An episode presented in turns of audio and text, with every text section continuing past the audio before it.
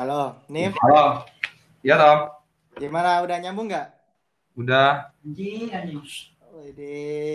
Gimana, Nif? Liburan selama corona ini, Nif? Ya, tahu sendirilah kesibukan orang kalau misalnya gabut gimana. Makan, tidur, makan, tidur, repeat ya. Berulang aja kayak gitu aja, Tom. Terus lagi sama siapa nih di kos ini? Ini aku sama temenku, Bang I.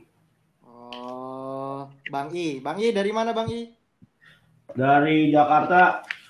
Wede. Berarti satu ini ya sama Nif. Iya, masih kocok lah. Masih satu daerah. Aku Bekasi, dia Jakarta. Eh, udah pada itu gak? Udah pada tahu gak yang libur sampai bulan September itu? Nah, itu gimana itu menurut kalian? Kan kita ini udah bayar UKT nih, terus kita ini nggak pakai fasilitas kampus sama sekali. Menurut kalian wajib nggak sih kita itu dapat kembalian uang kita gitu? Kalau dari saya ba- bahasa bapak bagaimana nih enaknya nih? Udah panggil bang aja, panggil bang aja. Iya kalau dari saya pribadi sih ya sebetulnya dua sisi sih. Kita bisa menerima kompensasi kalau menurut saya kita bisa menerima kompensasi ketika dari pihak kampus tuh benar-benar mengabaikan kayak misalkan terjadi wabah yang benar-benar parah Hmm. dan akhirnya kampus itu menyatakan lockdown sampai lama gitu Ah, dan tidak memberikan ap- apa tugas apa pun, tidak memberikan upaya kelas online, tidak benar-benar diabaikan mas kita mungkin menurut saya kita wajib untuk meminta UKT kita balik. Hmm. ya wal- wa- apa walaupun itu kelihatannya sih kayak munafik lah ya. Cuman kalau menurut saya itu sisi pertama. Kalau sisi yang kedua kalau dari sisi dari kitanya sebagai mahasiswa mungkin kita bisa minta kayak gitu. Dan perlu juga kita sebagai mahasiswa minta gitu. Karena kan kita kan juga bayar kan fasilitas juga kita kan itu termasuk kan uang UKT itu fasilitas kampus dan sebagainya lah kayak gitu sih Hmm. dua sisi sih kalau saya mas Terus kalau dari Hanif mungkin gimana Nif? Ya, kalau menurut aku sih eh, sekarang selama kampus ini pihak kampus ini bisa memfasilitasi kita dalam rangka apa pun, walaupun kita nggak menggunakan kelas, tidak menggunakan proyektor, tapi seenggaknya materi itu nyampe ke kita. Hmm. Yang saya beratkan itu kan selama ini selama udah hampir 14 hari ya, Senin ini kan genap 14 hari, itu kita tuh selalu diberatkan oleh tugas tanpa materi. Jadi kayak biasanya kan kalau di kelas kan biasanya kita materi dulu kan, Ya, sehingga anak-anak bisa paham ya kan, bisa paham dulu, baru kita dikasih tugas.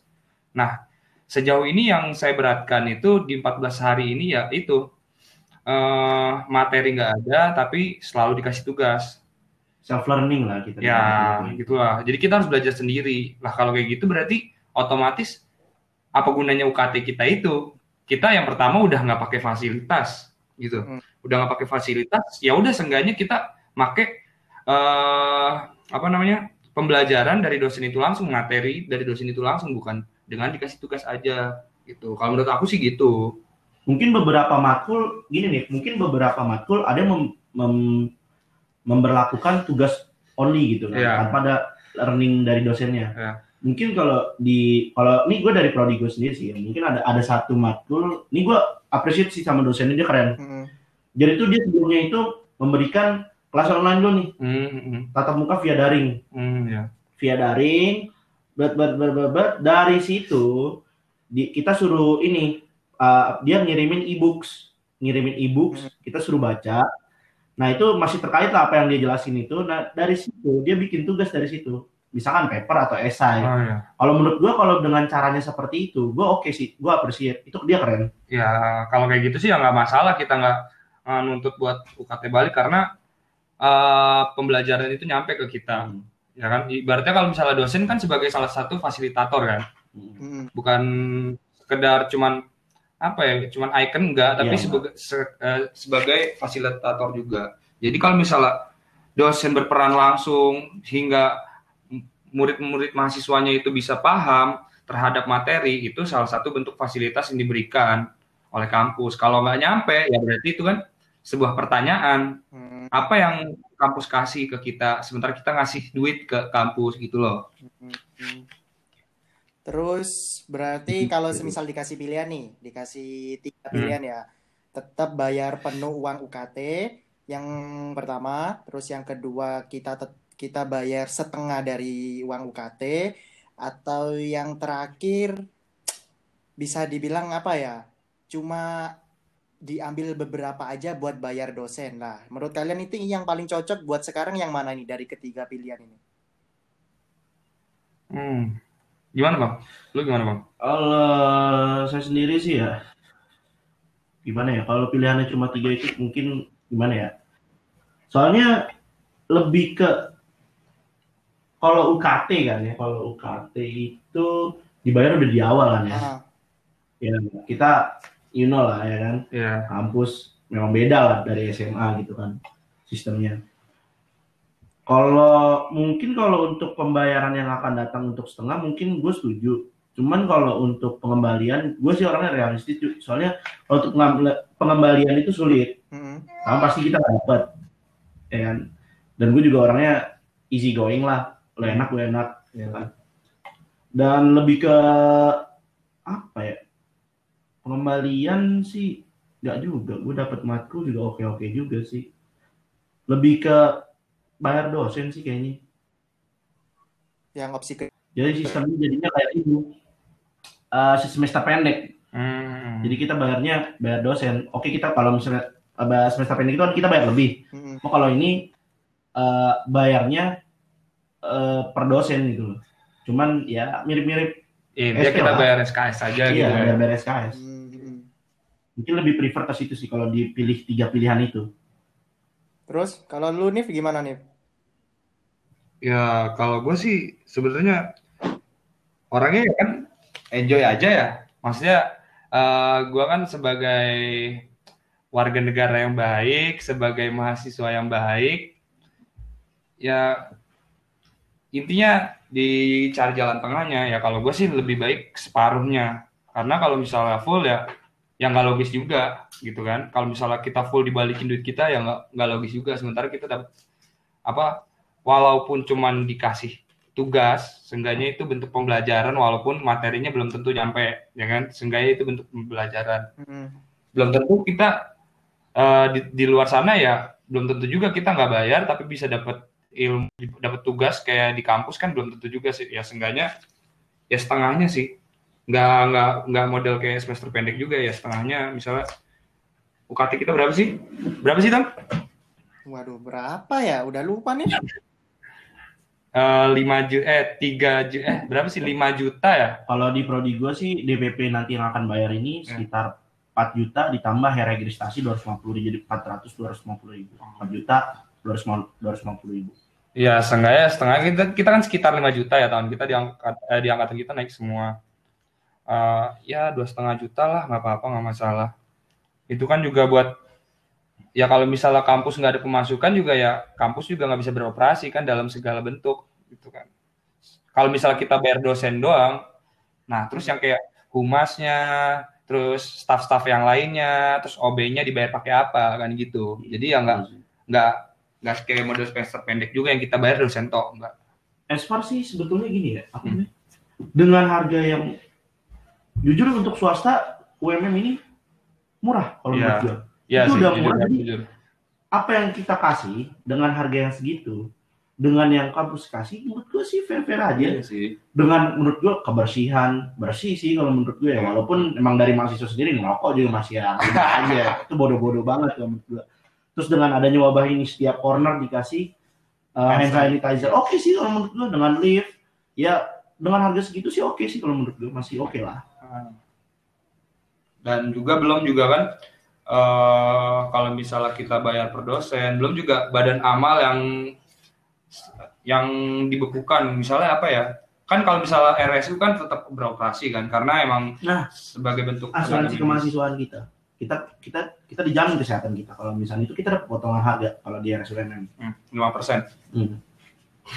pernah sih ya lima persen. Apa ya tapi bentuk apa sih Terus udah ini, udah semua ini. Ya, ah, ya udah. Mau ada lagi yang mau ditanyain, ngobrol-ngobrol boleh. Ya Terus- gantian sekarang, coba gantian. Menurut menurut lu gimana Tom? Kalau menurut lu sendiri gimana? Oh gitu, oke. Iya dong, biar fair dong kita dong. Kan podcast, ngobrol asik. Hehehe. Gini ya, kalau menurut aku gimana ya? Sebenarnya sih ya harus kita, aku juga ini realistis kan ya. Aku juga butuh uang gitu. Hmm. Aku bukan dari golongan yang tinggi-tinggi amat, yang rendah-rendah amat, enggak yang setengah-setengah lah. Ya. Kalau menurut aku ya mending bener kayak kalian tadi itu kita bayar separuh. Karena sekarang gini. Kayak OB terus apa habis itu staff yang lain itu dibayar pakai apa coba kalau nggak dapat dari kita? Secara Hmm. kan swasta ya. Kalau negeri mungkin dapat bantuan dari pemerintah. Dari negara, betul. Ah, dari negara. Terus kalau swasta ini kan pasti kan dibebankan ke kita kan untuk biaya apa ya, Ya, betul, OB, betul, betul. para pekerja di lingkungan UMM lah segitu. Kalau semisal nggak bayar sama sekali ya, ya mereka mau bayar pekerjanya pakai apa gitu loh. Terus kalau semisal kita bayar dosen, ya kampus kan otomatis mati dong. Kalau kita Iya. cuma bayar, otomatis kita jalan apa, ambil tengahnya. Dengan cara ya cuma bayar separuh dari harga normal itu. Semisal 5 juta ya mungkin dua setengah lah kayak gitu. Jadi agak ngeringanin kan. Gim apa dan juga kan kenapa juga ini dijadiin permasalahan? Kan sekarang gini semua kan lockdown ini pekerja semua lewat online semua apa pun itu udah disuruh pemer- sama pemerintah lewat rumah lewat online sekarang ya mungkin bagi para kaum borjuis yang berduit berduit itu bisa kerja lewat rumah Terus kalau buat kaum yang porlentar gini, yang kaum kaum kaum yang nggak punya skill kerja lewat rumah, gimana yo? Lewat Nah, rumah iya sih. main gitu kan nggak bisa kan? Iya, Otomatis buat makan aja itu pas-pasan gitu loh. Apalagi buat bayar UKT yang penuh gitu pasti kan memberatkan. Apalagi ya, apalagi kalian yang mungkin ada sebagian mahasiswa yang belum pulang kan ke pulang kampung lah. Otomatis kan kalian pasti butuh uang makan, Hmm, hmm, terus hmm. uang kos tetap harus bayar, wifi, terus air, listrik, semua kan tetap bayar. Terus Iya. masa lockdown gini, orang tua kalian dapat dari mana coba? Ayo. Kan juga jadi permasalahan juga kan. Itu Iya. sebabnya sih, kenapa sih? Itu sebabnya sih kenapa kayak bayar UKT ini harus di apa ya, diminimalisir lah pengeluaran karena ya itu itu tadi kan. Kalau Hmm. tetap bayar utuh, waduh gak worth it di kita gitu loh. Iya, Kenapa gak betul kita? Karena kita gak pakai fasilitas sama sekali cuy gitu loh. Kita Iya. Listrik kampus gak pakai, proyektor gak pakai, kursi semua semuanya gak pakai, semua off gitu loh. Kalau kita bayar penuh ya, ya rugi di kita dong. Otomatis Iya. kayak kita, kayak kita apa ya? Kayak kita punya uang banyak, terus gimana cara ngabisin duit ini? Akhirnya kita kasih ke kampus, kayak gitu kan jatuh. Iya, betul betul sih. Padahal kita aja buat uang jajan itu udah, ya ampun. Mau makan aja cari promo. Iya, betul. sekarang aja ya minta ke orang tua itu kayak gimana ya orang tua kita udah gak kerja Hmm, Terus? betul. uang UKT masih penuh terus uang kos masih bayar penuh juga semuanya masih dibayar terus kita mau minta uang ini kan gimana ya Iya sih. sulit kan Sungkan lah. nah gimana itu misal ya ini udah lockdown semua kuliah enggak terus kita minta uang ayo Sebetulnya agree to disagree sih. Kayak Hmm. siapa sih yang mau adanya wabah ini? Ah, Sebetulnya betul. lebih ke apa ya? Biar istilahnya kan kalau ini datangnya dari alam lah ya. Hmm. Agree to disagree. Jadi tuh eh, menurut gua sih kita kita semua sih dari pihak kampus dan mahasiswanya memang harus siap menghadapi hal seperti ini karena kan ke depannya juga nggak ada yang tahu dunia makin aneh bro global warming semua, climate change semua udah makin aneh. Lebih ke sistemnya sih kalau menurut gua, sistem keseluruhannya. Jadi even kita lagi ada kayak gini ke depannya mungkin jangan sampai sih Mm-mm. ke depannya mungkin akan ada seperti ini. Jadi kita siap dan permasalahan ini sudah bisa diatasi dari yang kita nggak pakai fasilitas dengan gimana pun caranya itu ya Hmm. kita lebih siap gitu loh. Mungkin sistemnya sih. Jadinya kita fair lah. Apa yang kita kasih dengan kita yang kita dapatkan kayak gitu. Lebih ke sistemnya sih. Itu lebih buat ke depannya bang. Ah, ah, ah. ke depannya sih. Mungkin sistemnya sih kalau menurut gue.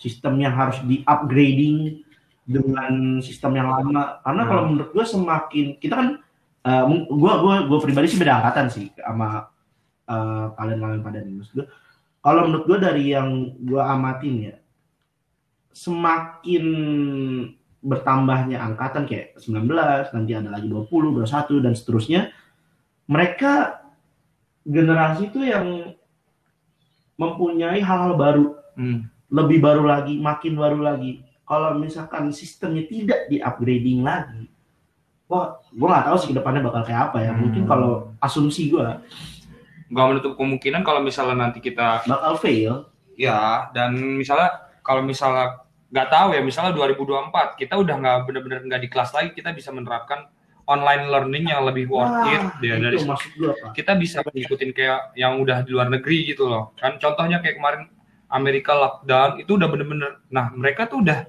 apa udah siap. Dengan kata lockdown itu eh, terus study from home itu juga udah bisa dia. Karena ya sistemnya udah ada. Ketika harus online learning itu harus kayak gimana? Dan udah ditata udah terstruktur nggak kayak sekarang. Kita kan coba deh eh, lu sendiri juga udah pasti ngerasain Tom gimana satu dosen dengan dosen yang lainnya pasti pembelajarannya cara cara ngajarnya beda. Tapi nah itu nggak dipermasalahkan dalam kelas biasa. Tapi kalau misalnya dalam eh, kelas online ini bakal berpengaruh sekali gitu kan. Jadi kan Hmm. kayak ada dosen yang semena-mena misalnya eh, jam dia harusnya bukan hari ini tapi hari ini dia mau diadain. Terus misalnya besok ada jam dia misalnya nih ya eh, pelajaran matematika besok jam 3 tapi dia mendadak minta jam 6 jadi mereka mereka tuh bisa karena ah online. Dia mereka juga nggak tahu apa kita ada kesibukan apa mereka nggak emang nggak mau tahu kan? Ya tugas kita emang belajar dan mengerjakan tugas dan bisa mengaplikasikan ap- materi apa yang kita dapat dalam kehidupan sehari-hari. Tapi kalau misalnya pada akhirnya eh, itu kayak menekan kan juga udah ada beberapa tuh pernyataan tuh. Kalau misalnya terlalu banyak kita berpikir terlalu banyak kita berpikir keras terus habis itu stres itu bisa menurunkan imun tubuh. Dah itu kalau kayak gitu kan udah sebagai apa ya sebagai bentuk welcome-nya kita terhadap corona gitu kan. Karena imun tubuh tubuh kita turun welcome corona gue imunnya turun nih ayo datang kan gitu kan. Ya Benar-benar. ya sebenarnya ya iya. Sistem sih. sistem cara misal mereka eh, ngajar beda-beda boleh. Tapi sistemnya tuh harus harus ada pembukuan gitu loh. Gini loh cara kerjanya gini loh cara kerjanya. Terus cara lu ngajar ya terserah tapi cara kerjanya kayak gini gitu loh Kita tuh memang udah harus, kalau menurut gue, dari Hmm. semua univ, kita tuh memang udah harus dipersiapkan untuk yang namanya e-learning. yes Semua udah pakai internet. Mhm. Sekarang aja, uh, ja, kalau menurut gue, orang ke mall hanya untuk hangout, tidak belanja. Orang belanja lebih pilih ke mana? E-commerce, semua Iya. e-commerce. Kita harus sudah siap, bro. Nah, mungkin ini ini pijakan pertama kita untuk memulai e-learning tersebut. Hmm. Jujur, eh, gue sih gue sih nggak munafik ya. Gue sih, kenapa gue memilih S1? Kenapa gue nggak D3 gitu kan? S1 menurut gue, gue kalau milih D3 gue bakal kalah sama generasi yang akan datang. Cuy, Hmm. di dunia kantor nanti itu yang tua-tua udah pasti bakal ditendang-tendangin cuy. Dan gue juga, maksudnya gue sendiri pun juga harus bersaing sama yang S1 lainnya dan angkatan bawah gue. Jujur gue S1 ini ya kalau gue sih nggak munafik buat nyari kerja. Dan gue lihat-lihat mungkin lulusan S1 di univ-univ lain atau di univ kita sendiri kita nggak ada yang tahu, mungkin ada yang belum kerja.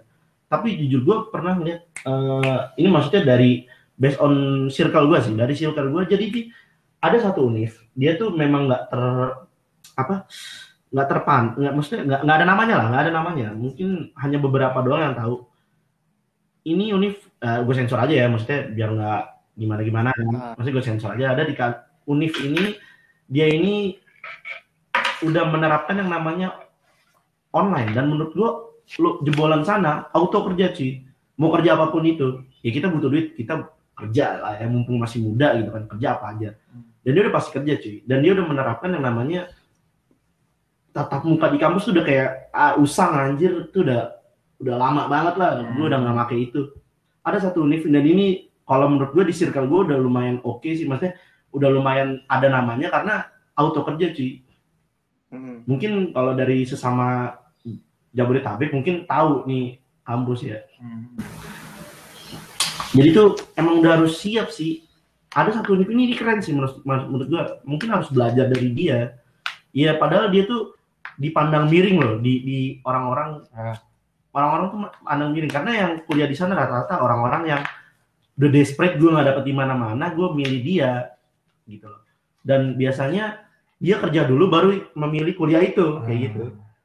kayak gitu sih. Hmm. harus udah lebih siap sih soal-soal online kayak gitu iya sih kayak lebih ke depannya kayak kantor-kantor enggak pekerjaan apa pun kayak lebih nyarinya learning yang maksudnya yang bisa mengoperasikan Iya, cuy. beragam hal yang di dalam digital gitu. Kalau misalnya kita terus-terusan kayak gini ya, ya gimana juga. Emang nggak salah sih, emang nggak salah kalau kayak gini. Karena eh, gimana pun caranya bertatap muka langsung itu lebih baik ya. Tapi kalau misalnya ke depannya kan kita nggak tahu juga gimana. Kalau mis nggak tahu juga kalau misalnya ke depannya malah ada sebuah sebuah metode pembelajaran online yang bisa lebih efektif dibanding bertatap muka. Nggak ada yang tahu juga. Tapi gue yakin ada karena semakin semakin bumi ini tua pasti bakal menciptakan sebuah hal-hal yang baru gitu loh. Hmm. dunia tua karena terlalu banyak inovasi gitu loh. Coba kalau misalnya eh, orang-orang di, di dunia nggak berinovasi sekarang masih hutan aja semuanya. Hutan laut masih biru ya kan gitu. Karena nggak tahu apa-apa. Karena berinovasi di laut dibikin pelabuhan di hutannya ditebang dibikin gedung-gedung karena berinovasi gitu loh. Hmm. Ini sih jujur ya, ini jujur sih. Sumpah dari mulai pertama kelas online asli gak efektif. Hmm. Entah karena apa ya? Ya balik lagi kayak tadi itu. Sistemnya itu emang ya mungkin kita mulai dari dulu itu gak diterapin caranya pakai apa ya online kayak gini, kelas-kelas daring online kayak gini, kita emang gak diterapin. Jadi kita gak terbiasa. Hmm. Kita terbiasa tatap muka. Jadi pas ada wabah yang lagi rame kayak gini, kita kaget jadinya. Hmm, kita shock. Kan kita terbiasa, emang gak dibiasain sama guru kita, sama dosen kita buat online, pindah ke online. Jadi sumpah kaget, beneran kaget. Iya. Yeah. Kalau kalian gimana uh, ngerasain apa? Gimana? Ya, ngeras perkuliahan online ini efektif atau gimana menurut kalian? Kalau dari gue dulu ya. Kalau yeah. dari gue sih mungkin untuk sistem yang sekarang kurang efektif, sangat kurang efektif karena uh, masih kaget balik lagi karena masih kaget. Uh, masih kaget terus ada beberapa dosen yang mungkin menurut gue oke okay nih pembelajaran dan gue juga nanya-nanya sama teman-teman yang lain dan mereka oke okay dengan cara yang mereka terapkan. Tapi ada beberapa dosen yang hanya memberikan tugas, nih gue kasih tugas, lo bikin esai 8000 kata, gimana caranya? Gue gak mau tahu, yang penting lo ngerjain, nilai lo bagus, udah juga gue gak mau pusing. Nah itu maksud gue, sistem kayak gitu udah bobrok bro, parah. Hmm, parah sih. Itu udah usang banget. Hmm, hmm. Itu relate banget. Sumpah, pusing cuy. Iya lah. Gimana kalau menurut Mulik? Gimana ya? Efektif. Agak riset balik lagi ya gak sih? Gua oknum lebih ke oknum berarti. Ya, ke individunya sih. Gue bilang kebanyakan ya. Berarti ada segelintir ya dosen yang gue eh, segelintir matkul yang gue bilang masuk materinya. Tapi kebanyakan nggak masuk gitu loh. Karena ya gimana ya, kita diajarin nih. Lu pasti ingat kan, kita semester 1 itu ada dosen yang dia nggak boleh foto, nggak boleh apa. Kalau mau nyatat ya nulis. Oh iya benar-benar. Semester 2 pun ada, kita punya kayak gitu ya kan. Gue nggak Iya. ngerti kenapa ya ya udah ya udah gue sebagai mahasiswa dan mahasiswa baru ya udah kita ngikutin. Dan selanjutnya itu masalah aplikasi ya. Karena ya karena kita belum punya acuan aturan di UMM ini kita nggak punya acuannya gitu loh. Aplikasi yang Hmm. dipakai itu apa? Dan terus cara kerjanya tuh harus kayak gimana? Belum ada, pembukuan itu belum ada kalau menurut gua sampai sampai dosen itu ya udah semau maunya dia. Ada yang bilang pakai aplikasi Zoom, ada ada yang Hangout, ada yang Google Meet, padahal itu mereka sama modelnya. Terus ada yang pakai grup WhatsApp, ada yang pakai apa lagi ya? Edmodo. Edmodo. Edmodo, padahal itu modelnya sama. Kan kenapa nggak pilih salah satu gitu kan bisa selesai? Diseragamin jadi. Nah, kayak gini kan Oke. ya jujur aja bro, HP gue kentang, berat, ya kan? Buat download aplikasi ini aja gue, ya ini mikir-mikir harus ada yang dihapus ya kan gitu. Ya makanya betul. ya balik lagi ke sistem dan seharusnya ke depannya ya ini buat tadi kan kita udah ngerit, ya gue sendiri udah ngeritik nih terhadap kampus. Hmm. Nah sekarang gue mau kasih saran dan solusinya yaitu pembukuan aturannya tuh loh, pembakuan aturannya. Jadi harus kayak gimana ke depannya. Terus aplikasi yang dipakai apa aja, yang buat video call yang mana, yang buat chat yang mana, yang buat ngasih tugas yang mana gitu loh. Jadi ada kejelasan dan sistemnya diperjelas kalau misalnya kayak misalnya waktu juga, waktunya juga diperjelas. Waktunya ini kalau misalnya online itu sama kayak kayak tatap muka apa beda? Apa lebih panjang apa lebih pendek? Kan belum ada ketentuan juga. Sampai kemarin juga udah kejadian gitu kan. Ya kalau menurut gue sih gitu. Itu solusinya. Ya. Hmm, terus? Ya. terus eh, itu kan dari lu kan Hmm. ya. Terus kalau dari Bang I gimana sarannya buat ke depan? Biar lebih efektif sama efisien gitu? Kalau eh, sebetulnya nggak jauh beda dari Anif, cuman mungkin ada sedikit tambahan. Ya kita harus ada namanya sistem sendiri gitu loh. Walaupun sistem baru udah ada yang lebih bagus gitu. Mungkin dengan mencoba-coba inovasi baru, sih justru malah mungkin ya, mungkin Hmm. ada beberapa mahasiswa di kita nih ya, atau dari anak TI atau dari anak mana, Ya. itu mungkin mereka udah menciptakan tapi mereka belum berani untuk nah, meng ini loh kampus nih gue Ah, udah iya, bikin, betul, ini lo pakai ini gitu. nah, betul, betul. Mungkin ada yang kayak gitu sih, karena nggak menutup kemungkinan. Contoh, eh gue pernah baca apa ya, lupa gue. Gue pernah baca artikel. Jadi bunyi gini. Jadi ada anak salah salah satu mahasiswanya ini nih, dia itu bikin konsepan udah kayak ah bullshit nih masuk masuk kampus gua bangun pagi apa bedanya gua sama SMA nih? Hmm. ya kan? Akhirnya dia bikin tak untuk mahasiswa. Bagi mahasiswa yang tidak bisa hadir untuk datang ke kelas lu cukup pencet nih aplikasi lu udah ngelihat kelas secara langsung online gitu. Jadi di situ kita bisa hadir dalam kelas walaupun raga kita tuh di rumah gitu. Live streaming gitu ya? Cuy gitu Oh, maksud paham, gue paham, cuy. paham, paham gue. jadi feedbacknya apa ya? Live streaming tapi semacam live streaming. Hmm. tapi di sini itu dia dia bikinnya itu gua kalau misalnya ada pertanyaan bisa gua ngajuin pertanyaan. Oh ya kayak kayak video call sih ah iya ya paham kayak paham, gitu paham, kayak paham. gitu. Maksud gua kayak gitu. Keren sih om gua. Ya, lebih jadi- kayak gitu sih. Jadi on live secara live tapi kita bisa tanya jawab tanya, tanya jawab penting dong. Iya. jelas jelas banget.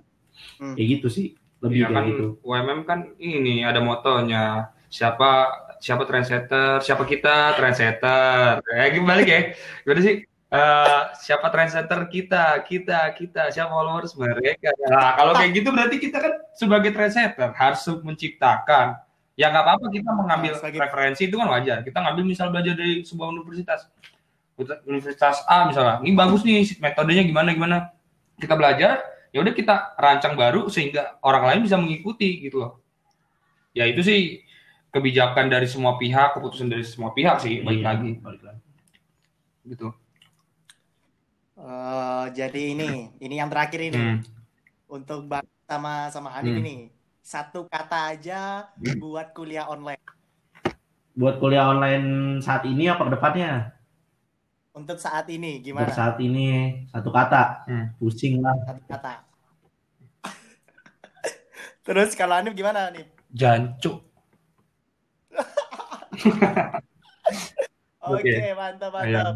Oke, thank you Oke. Nif, thank you Bang I udah mau ngisi podcast Iya. ini. Semoga podcast kita eh, gimana ya, ngebuka pola pikir mereka di luar sana, membuka pola pikir para atasan, pimpinan, rektor atau apa pun segala oke. macam buat lebih dengerin sih masukan dari kita atau keluhan dari mahasiswa. Ya.